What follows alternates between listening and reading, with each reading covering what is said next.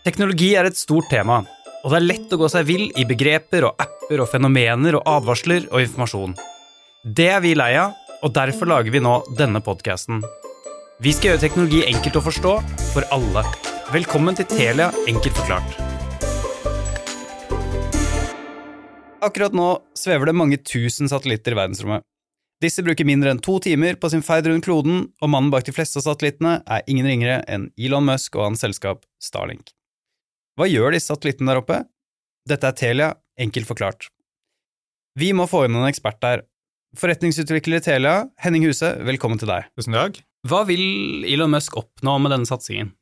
Elon Musk ønsker å, å kunne gi internett til alle på hele, hele, kloden. Så det er den eh, visjonære tanken bak, eh, bak prosjektet. Har vi noen gode brukscaser på denne typen teknologi i dag? Det begynner å bli eh, ganske mange gode brukscase. De, uh, ifølge egne beregninger så, eller egne tall så nådde de én million uh, abonnenter til rundt juletider i, i, fjor. Så det er mange som har tatt i bruk. Det er godt kjent at det blir brukt i, eller har vært brukt i Ukraina for å gjenskape mobildekning der det ikke har vært når mobilnettet har blitt tatt ut. Det, det er et viden kjent eksempel. Her hjemme så er det en del som har tatt i bruk for å få eh, internett på, i litt, eh, hva skal man si, litt eh, grisgrendte strøk, eller langt fra allfarvei. Uh, typisk fjellområder er en er, hvor det ikke er, annen type dekning. Uh, er det naturlig å bruke, bruke, Starlink? Og det er nok noen som har poppa opp på hyttefelt og, og hjemme hos folk også. Um, et annet segment vi ser, er jo de som er på farten. Eh, Starlink selv har et, eh, et bobilabonnement, så det peker jo litt på hva det skal brukes til. Um, og så finnes det maritime løsninger som om bord på skip, som da er i bevegelse kontinuerlig og langt fra land, og som i dag bruker ganske dyre andre satellittsystemer som har mye lavere båndbredde og til mye høyere kostnad. Så for maritim sektor så gjør det en, eh, en veldig, veldig, stor forskjell. Er dette en konkurrent for Telia? Nei, vi ser egentlig ikke på eh, lavbanesatellittene som en direkte konkurrent til, eh, til Telia. Du kan si Hvis du har mulighet til å koble deg til via fiber og mobilnett, så, så, vil de aller fleste gjøre det. Da har du en helt annen stabilitet, du har en helt annen ytelse. Så det er først når du ikke ikke har den muligheten, enten fordi du er i et område der det ikke er bygget ut noe, noen andre type nett, eller fordi eh, de nettene som er bygget ut, eh, har et eller annet utfall. Vi vet jo at eh, det fortsatt skjer fiberbrudd og utfall i mobilnettet.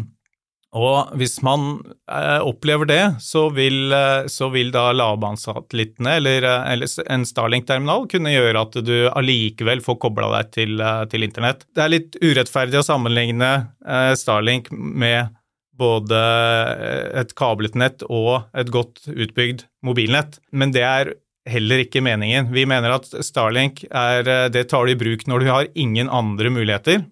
Og du kan si sammenlignet med ingenting, så er Starlink utrolig mye bedre.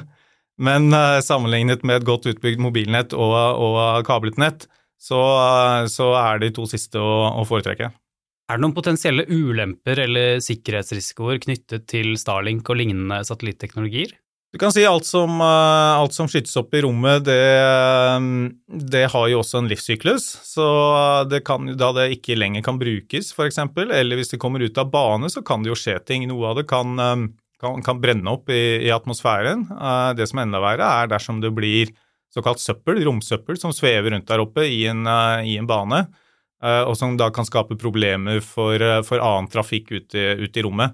Og det er allerede i dag en en utfordring for, eh, for, andre satellitter, som da blir, blir truffet av vrakdeler, rett og slett. Hvordan ser verden ut om fem til ti år hvis eh, Starlink og to-tre selskaper til skyter opp ja, mellom 50 000 og 100 000 satellitter og, og, begynner å bruke dem? Ja, det er et veldig godt uh, spørsmål. Um, Starlink har planer om å skyte opp uh, inntil 12 000 satellitter i, uh, i, første bølge, og har vel også en visjon om å kanskje gå helt opp til, til 40 000 etter hvert. Vi får bra tilgang til internett over hele kloden. Det er i hvert fall en, en, enkel prediksjon. Akkurat hva det betyr med så høy tetthet av satellitter, det er det vel egentlig ingen som, ingen som vet. Og det var Starlink og lavbanesatellitter Enkelt forklart.